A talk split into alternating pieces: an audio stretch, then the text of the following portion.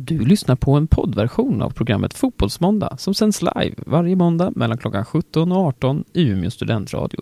Av upphovsrättsliga skäl är musiken i programmet förkortad. Europakvalvecka, som vi eh, innan pratade upp lite och var lite taggade på. Vi eh, går igenom lite, bara lite snabbt hur det har gått där. Egentligen, de flesta favoriter har vunnit, men eh, vissa har gjort det mer övertygande än andra och vissa har faktiskt inte vunnit. Som till exempel VM-finalisten Kroatien som har snubblat lite grann. Eh, I Sveriges grupp så vann ju Sverige hemma mot Rumänien med 2-1, även fast det satt rätt långt inne. Robin Quaison gjorde mål samtidigt som Viktor Claesson också gjorde ett. Um, I samma grupp så har vi Spanien och Norge, där Spanien slog Norge borta, nej hemma på Mestalla som man spelade på nere i Valencia. Uh, med 2-1. Ingen jätteimponerad insats, men Sergio Ramos gjorde sitt femte mål på sin femte landskamp i år, så att, eh, eller inte i år, utan de fem senaste. Så att det är imponerande av en mittback, det får man ändå säga. De andra i gruppen är ju då Malta och Färöarna, där Malta vann med 2-1, men de bryr sig inte om så mycket. Det ska vi bara damma av sen. Ja, jag och Kristoffer kommer gå igenom lite, några landskamper som vi pratar om. Vi kommer prata om kaosen som ändå har varit i det svenska landslaget, även fast man vann mot Rumänien. Och så kommer vi faktiskt köra ett lite nytt segment, där jag kommer få vara förbundskapten för ett teoretiskt landslag i slutet. Ja, men häng med hörni. Vi drar en låt och sen så kör vi igång.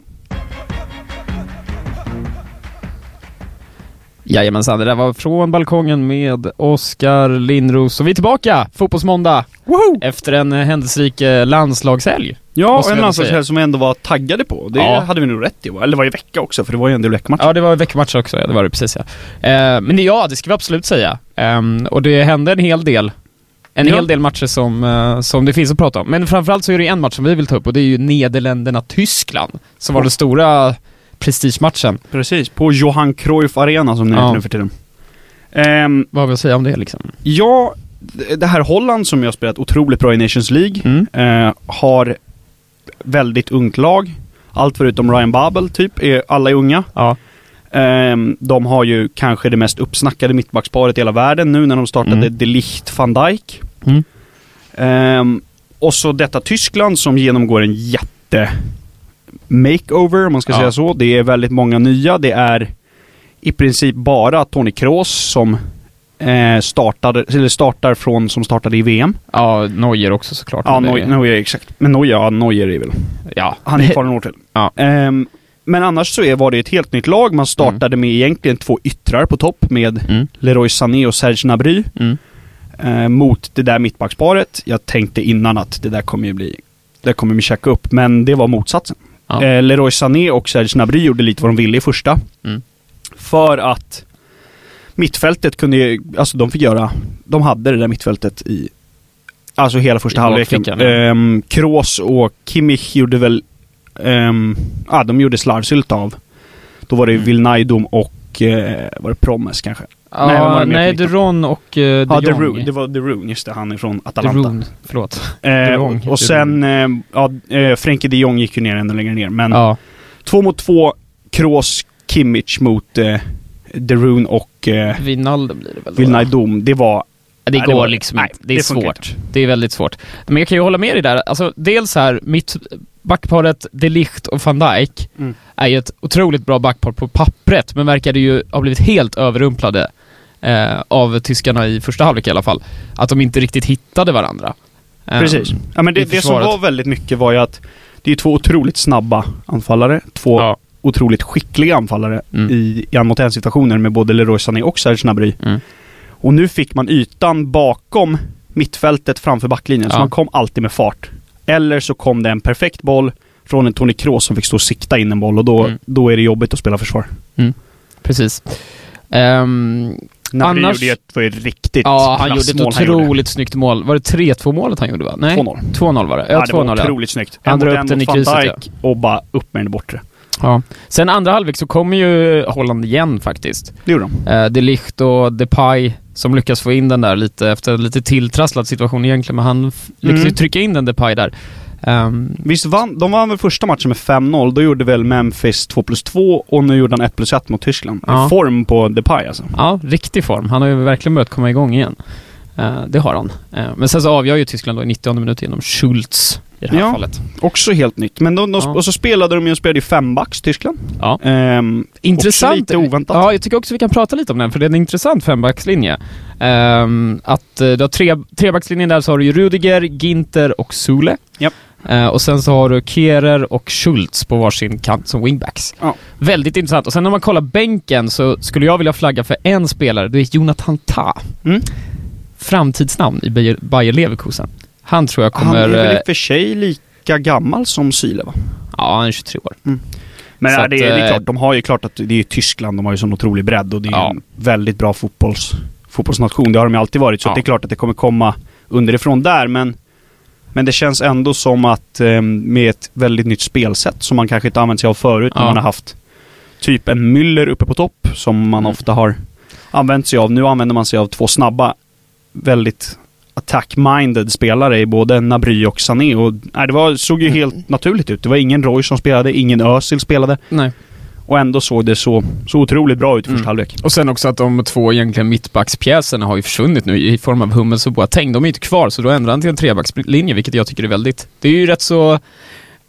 eh, Vad ska man säga? Det är på modet numera bland fotbollsklubbar att spela trebackslinjer. Eller fembackslinjer, det beror på lite hur man ser det. Treback med wingbacks eller femback. Ja, femback Eh, så det är ju väldigt eh, intressant att Jörgen Löw faktiskt tar en lite ny tappning på det här tyska Ja, laget. men det var också, det märktes ju väldigt tydligt att det var det här gamla Holland som man känner igen. Att man spelar hellre 4-4 än 0-0.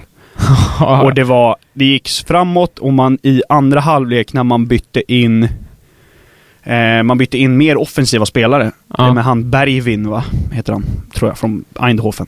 Han kom ju in och då Ja, gick ju precis, ja. Quincy Promes ner på i mittfältet och det blev, äh, det var otroligt offensivt Mm. ett tag.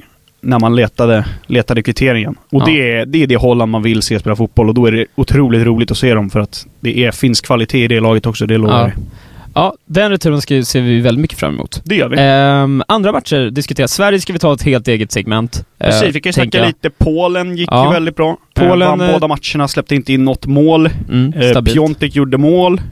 Eh, som han ju ska i det där laget Ja. nu. Robert Lewandowski la en mot Lettland också. Ja, och Arkadiusz Milik på bänken. Det, äh, det finns kvalitet framåt i Polen Mm. som vi har diskuterat innan. Absolut. Sen så om vi, om vi tar upp den Polen, det är ju, eller den gruppen, grupp G är det ju. Då Mm. har vi ju Polen, tätt följt av Israel, som faktiskt slog Österrike på hemmaplan. Ja, vad har hänt med Österrike alltså? Ja, men jag såg lite, jag såg inte matchen, men jag såg lite highlights från den eh, och kollade lite statistik. Det verkar som att ändå Österrike hade rätt mycket av första halvleken. Sen kommer de här två målen och då hämtar de sig inte riktigt. Men det känns som att Österrike inte riktigt är i samma slag som när de eh, Ja men till exempel när de, när de var i samma kvalgrupp som Sverige inför, vad var det, Vann de VM? med 4-1 på Friends? Visst gjorde de det? Jag tror att Österrike vann med 4-1 mot Sverige på Friends. Ja, det tror jag inte. ah, okej. Det var en avgörande match som eh, Sverige vann med 2-1 mot Österrike. Men det var, no, okay, det var någon Men det kanske var fall någon match där de Mm, vann, mot absolut. Och sen Eh, Belgien imponerade, stort. Men de har ju som Ja. sagt väldigt enkel grupp. ja, Eden. Hazard gjorde, eh, gjorde väl två, två eller tre första matchen. Eh, och spelade otroligt bra. Jag såg bara lite highlights från den matchen. Eh, mot, eh, det var mot Ryssland va? Då gjorde, ah, gjorde två Ja, mål, exakt. Ja. Sen slog man Cypern som man ju såklart ska och den gruppen ska man ju egentligen bara städa av. ja, det är ju en väldigt lätt grupp de har. Ja, så är det ju. Ehm. Italien vann med ett Mm. väldigt ungt lag man ställer Mm, på benen. Intressant lag de ställer upp med måste jag säga. Jag Väldigt. tycker det var otroligt intressant startelva. Ehm, I och för sig mot Finland, ska Mm. komma sig ihåg. Jag är osäker på om man ställer upp med, en, med ett liknande lag mot till exempel Bosnien som man också har i gruppen som är ett Mm. bättre motstånd. Men man ställer alltså upp med, eh, med väldigt unga. Man ställer Mm. ju upp med eh, Nicolas Barella som startar på för sitt mittfält med Moise Keane som han född 2000 från Juventus som gjorde också mål. Ehm, man startar med eh, Bernadeschi, man Mm. Nicolo Saniolo från Roma kommer in. Det är väldigt ungt italienskt lag som också spelar, vilket är intressant. mm. Och sen Tyvärr, tyvärr ska jag säga, som satt och kollade på den här matchen, fick ju inte Quagliarella komma in. Det hade varit kul. Eller han kom in i minut 80 och spelade 10, men det hade varit kul att se Quagliarella, ja, tidigare, hade ja. velat se Quagliarella göra mål. Ja, jag förstår det. Sjukt att han är fortfarande igång alltså. Ehm, annars så var det ju, om vi pratar Sveriges grupp då, eh, Spanien-Norge 2-1 till Spanien. Ja. Ehm, där eh, bland annat då det var en straff både för Norge och för Spanien. Som avgjorde. Den som, var, den som Norge fick var mer tveksam än den som Spanien ja, fick. ja, kan vi säga. den som Spanien, fick, Jag herregud. vet inte vad han gör där. Nej. Nej, jag, Rune, Rune Almänning Jarstein. nej, jag förstår jag inte inte. heller riktigt vad han, vad han tänker där. Nej. Eh, väldigt tråkigt för Norge för att eh, hade de knipit en poäng där, då eh, hade det ju blivit väldigt öppet helt plötsligt. Ja, det var ett väldigt Lars Lagerbäck-likt Norge. Det får man ändå säga. Ja, absolut. Ska vi eh, ta en låt och sen börja attackera de blågula? Vi kör på. Vi kör eh, lite freaky tycker jag. Kul. Snart tillbaks här i Umeå studentradio.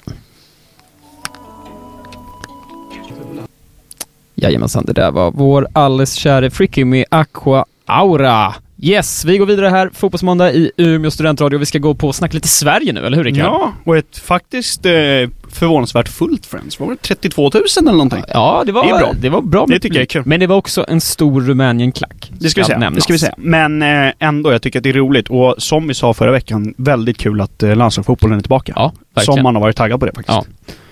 Det. Eh, men, just matchen. Vi eh, gör det ju väldigt bra i första och en bit in i andra skulle jag säga. Ja, jag ska också säga det. Ehm, 2-0 var helt rättvist. Vi hade lätt kunnat göra det till. Ja. Ehm, och jag tyckte att det var intressant uppställt med både Viktor Claesson och eh, Robin Quaison som ju faktiskt kom in som släpande. De Mm. bytte ju lite roller där två och det funkade väldigt bra. Det var ju de två som gjorde målen. Mm. Eh, Marcus Berg har ju inte riktigt avsluten i sig längre, känns det som. Kanske inte riktigt Nej. lika het. Ehm, och då är det perfekt att ha de två där som kommer och fyller på. Ja. Nu kommer ju de båda två in i den positionen som man vill. Och det är där jag vill att Emil Forsberg ska spela. Mm. Eh, mycket har ju pekat på, eller pekat på, det har pratats om förr, att Emil Forsberg är missnöjd med rollen som han har i landslaget och det är också hans agent Hassan Settinkaya. Det är därför vi nu kommer in på det här. Ehm, ska du dra lite av storyn som är? Nej, Men storyn är ju väl att eh, det har, till att börja, alltså står, det känns lite som att det, det har ju stormat mycket kring landslaget och det var ju börjat redan förra veckan med Victor Nilsson Lindelöf egentligen. Ja men det har ju varit tidigare också. Det har det varit säga. tidigare också, men det är ju att eh, Emil Forsberg är ju, för det första är han besviken över att han ska behöva spela så defensivt som han gör Ja. under Janne Andersson. Det håller jag med om. han får sig. in, ja precis, han får ju inte utnyttja sina offensiva kvaliteter så som han hade velat eller som han får göra i sitt klubblag. Mm. Ehm, Men samtidigt så är ju det, det är skillnad på att spela landslagsfotboll och klubbfotboll. Ehm, Men sen så kom det ju ut lite uppgifter om att han, eh, dels var han ju besviken över att bli utbytt Mm. mot Rumänien, Ja. redan i den 60 minuten. Ja, men, sen, sånt, ja, men sen är han också tillbaka från skada, så jag ser liksom ingen anledning där, eh, varför han skulle spela mer. Plus att det som jag läste var att det var ändå lite tveksamt från Rebel Leipzig-läger om han skulle få åka. För att de ville Ja. inte att han skulle få Nej, åka. Nej, ja det har jag, jag är också så hört märkligt det att han bara spelar en Ja. 60. Men sen så kom ju Sportbladet med de här uppgifterna om att eh, han skulle lämna landslaget. Ja. Och det är ju det här det börjar bli lite intressant, för Svenska fotbollsförbundet hade ingen aning om de här uppgifterna när, säger det i alla fall. när Sportbladet når dem. Nej, det, det gör de ju inte. Aftonbladet är ju väldigt snabba på att plocka upp dem också. Såklart. De, eh, Simon Bank smackade ju ut en krönika på fem röda minuter. Det gick så himla snabbt i den vä- värvan där alltså. Ehm, men det är klart, det är möjligt att Svenska fotbollsförbundet visste om det, men om man kollar på kommentarerna så verkar man vara rätt förvånad över var uppgifterna kommer ifrån. Och det visade ju sedan, sig sedan att uppgifterna faktiskt stämde. Mm. Så att från någon form av trovärdig källa kommer de ju ifrån. Så är det ju.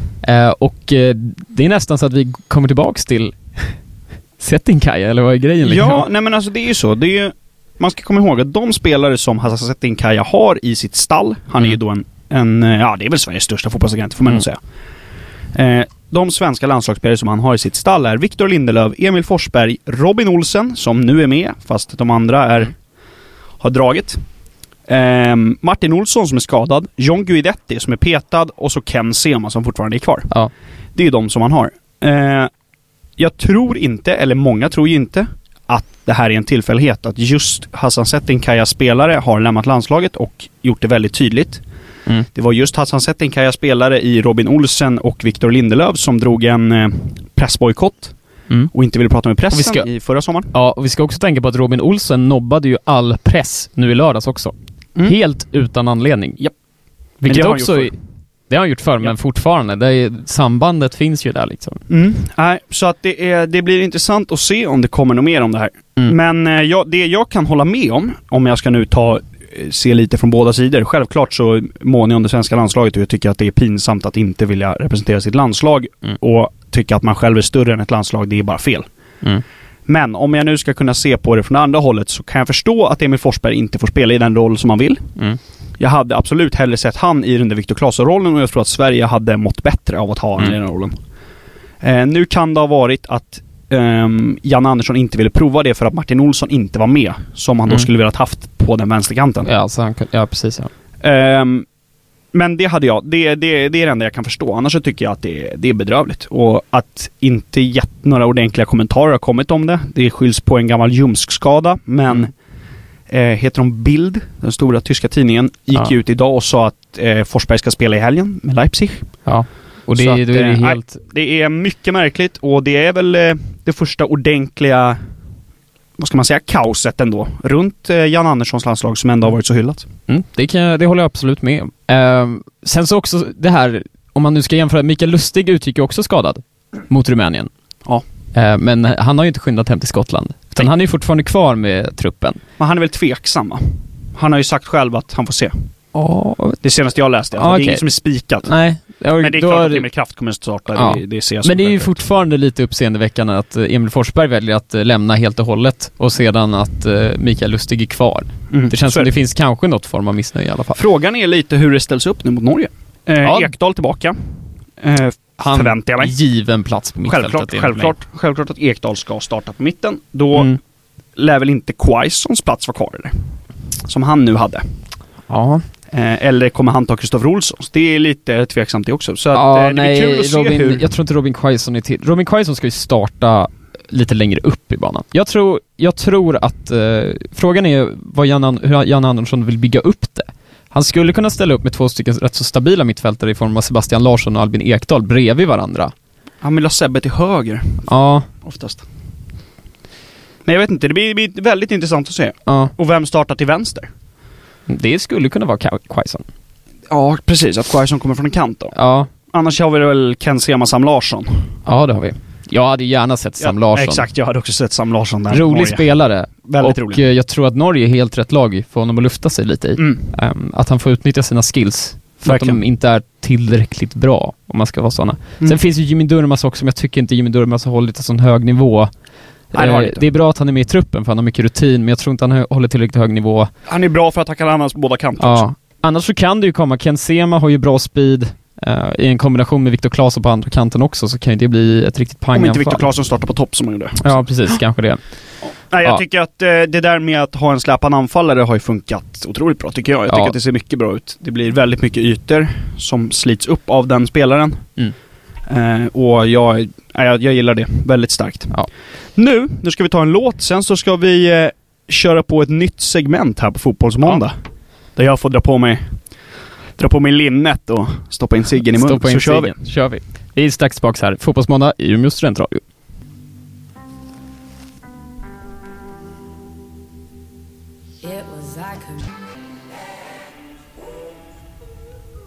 Jajamensan, det där var Black Car... Hoppsan. Jajamensan, det där var Black Car med Miriam Bryant. Ehm, vi går in på det sista segmen- segmentet av veckans avsnitt av Fotbollsmåndag och det är Rickard som ska... Ja, vad ska du göra för någonting Rickard? Jag har ju blivit eh, tilldelad ett förbundskaptenens roll här. Ja. Eh, vilket är kul. Eh, jättestor ära för mig. Ja. Fiktionellt landslag är det ju. Mm. Det är, eh, vi struntar lite i eh, de, eh, ska man säga, historiska gränserna. Vi går tillbaka och eh, vi eh, säger att Jugoslavien finns ju fortfarande. Ja. Jugoslavien ska vara med och kvala nu i EM-kvalet. Eh, och eh, jag har då tagit ut en startelva och en bänk här va. Ja. Och vi ses ju som ganska bra favoriter för vi har ett otroligt lag, som du nu kommer att få höra. Ja. Eh, vi startar i mål så startar vi med Jan Oblak från Slovenien Mm. och Atletico Madrid. Jag skulle säga absolut topp tre målvakter i världen. Mm. Eh, väldigt bra, inte mycket mer att säga om det. Till höger i backlinjen, vi spelar en 4-3-3, jag kommer ta det mer Mm. sen. Mm. Höger i backlinjen så är vi med eh, Sime Versaljeko, Inter Mm. eh, och Kroatien. Eh, en högerback som är väldigt... Han är defensivt skicklig och Mm. det kan vi behöva i det här laget för vi kommer spela rätt offensivt på mitten. Våra mittbackar är Stefan Savic från Atletico Madrid och Montenegro samt Dejan Lovren från Kroatien och Liverpool. Mm. Ehm, bra mittbackspar, kommer inte förlora många nickdueller. Nej, det kommer de inte göra. Eh, och det kommer inte vara väldigt många uppspel som spelas längs marken från mittbackarna, utan Nej. det kommer ytterbackarna sköta. Framförallt vänsterbacken som då är Alexander Kolarov från Roma och Åh, Serbien. härligt. Där vi har en eh, fin fot. Vi kommer att eh, fasta situationer från ena kanten kommer han att ta hand om. Mm. Från andra kanten, om vi ska ha en högerfot som slår dem, då kommer Mirelem Pjanic ta hand om dem. Juventus, Bosnien. Guld. Han tar ham- hand om fasta situationer från den kanten. Ja. Vad tycker om Pjanic? Pjanic är en favorit för mig. Jag är Pa- Pjanic är en favorit för den. Ända sedan han spelade i Lyon så har det varit. Lite, lite Pirlo-roll på han som Ja. kommer ner och sköter upp spelen. Ja, det jag får han göra. Men det är inte så att vi har problem att ta hand om uppspelen. För att vi Nej. kan ju då eh, låta någon av de andra mittfältarna ta hand om det. Den ena av det är ju då såklart Luka Modric. Modric har tagit nummer 10 i det här laget. Mm. Eh, ja, Real Madrid, Kroatien, som ni såklart har koll på. Mm. Eh, väldigt fri roll, får göra lite vad han vill. Eh, och har faktiskt binden på armen. Jag tänkte precis ställa den frågan vem du sätter Nej, som Modric har binden. Han Ja, vann ändå. Ballon d'Or. Vi måste hylla Ja. sånt. Eh, sen den tredje mittfältplatsen, där hade vi väldigt många valmöjligheter. Mm. Eh, vi kommer gå igenom de som inte valdes, de sitter ju på bänken. Men eh, vi har ju gått väldigt offensivt. Ja. Så vi kör med Sergej Milinkovic Savic från. Lazio. Härligt. Ehm, som då är lite framtiden i det här laget. Mm. Och är sanslöst hög högsta kvalitet. Då kan han göra vad han vill på ett mittfält. Visst, det är väldigt, väldigt offensivt. Pjanic som ligger lite längre ner kanske inte vinner så mycket boll. Men eh, vi möter, eh, vi har lätt rätta motståndare så att vi går framåt mycket. eh, vi kör ett 4-3-3. Ja. Eh, det är eh, kommer vara omöjligt för ett mittfält att kunna spela två mot våra mittfältare. Så att Mm. de lagen som spelar ett eh, 4-4-2 måste göra om, för att du kan inte spela med två mittfältare mot Pjanic, Modric, Milinkovic, Savic. Nej, det blir svårt ja. Så de kommer få göra om, men framåt så har vi ändå otrolig styrka i både luftrum och avslut. När vi kör med Perisic ute till höger, han spelar lite på fel kant, men det funkar för att han är Ja. högerfotad. Ja. Inter och Kroatien då såklart. Ja, Milinkovic Savic kanske inte gick igenom i Lazio, Serbien. Ja. Högst upp i mitten kör vi med Edin Dzeko. Eh, Roma-Bosnien, målgaranti. Vi vet Mm. att vi kommer få en fem mål under ett kval, absolut. ja. Och som du nämnde innan, två stycken bra eh, fasta situationer fötter i form av Pjanic och eh, Kolarov. Mm, Så att, precis. eh, och Dzeko i luftrummet, det ska man inte bort och heller. när eh, frisparkarna kommer höger kant på, på planen, Ja. när Pjanic ska ta hand om dem, då kan han ju också sitta på vänsteryttern som då är Mandzukic. Ja, Juventus, ja, Kroatien. tänk- Ja. Det blir ju... Eh, ingen vill möta oss i luftrummet. Eh, det finns alldeles för fina fötter. Eh, det finns en del speed med Perisic och med Modric kan också få en del Ja. speed. Så att eh, det här blir ett svårstoppat landslag. Mm. Vi eh, kanske drar på oss lite skador. Vi har några lite diviga i laget med Perisic och Mandzukic, så vi kanske vill sätta Mm. dem då och då. Men vi har ju en bänk som eh, inte heter duga heller. ja, men det känns som att det finns lite diver på bänken också. Det gör det. Ja. Eh, det finns eh, risk för omklädningsrumsbråk bråk här. Ja. Men jag är hård som tränare så jag kommer hålla i de här grabbarna. eh, andra målvakt har vi ju Andanovic. Vi Ja. kör en helt slovensk Ja, från. Inter ja. Inter. Härligt. Eh, mittback har vi egentligen bara en på bänken. Eh, då har vi Domagoj Vida från eh, Besiktas. Kroatien. Så att, svag bänk. Ja, fast Ja, ja. eh, det, det kommer. Det kommer Ja. bättre, det lovar jag dig. Ja. Som ytterback, som också kan spela mittback, är ju då Sead Kolasinac, Arsenal. Ja. Ja. Mm. Ehm, Otroligt offensiv. ja, precis. Men han har ju ju. faktiskt spelat mittback. Eh, Ja, det, det men eh, han är ju som bäst ute till vänster. Gillar ju, wingback är ju han Mm. kalasbra. Där kan han ju komma en del nu när vi har... Ja. Vi har ju den vänsterkanten är ju ren för Kolarov redan nu, så att det är bra. Yes. Mittfältet, här, var, här hade jag de svåra besluten att ta. Jag valde ju Milinkovic Savic. Mm. Över till exempel de tre mittfältarna som vi har på bänken hade lika gärna kunnat starta för att Mm. det är tre otroligt bra mittfältare. Då, hade vi, då har vi ju mittfältarna på bänken, är Nemanja Matic. United, Serbien. Mm. Ivan Rakitic, Barcelona, Kroatien och Matteo Kosic, Chelsea, Mm. Kroatien. Ja. Eh, Det är...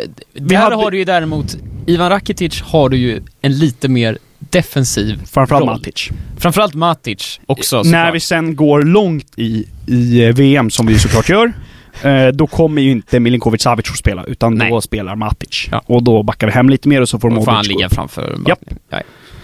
Eh, Vi har som ytter, eh, som kan komma in på båda kanter, som spelar i båda kanter i Frankfurt, det är väl Ante Rebic, Mm. eh, Kroatien.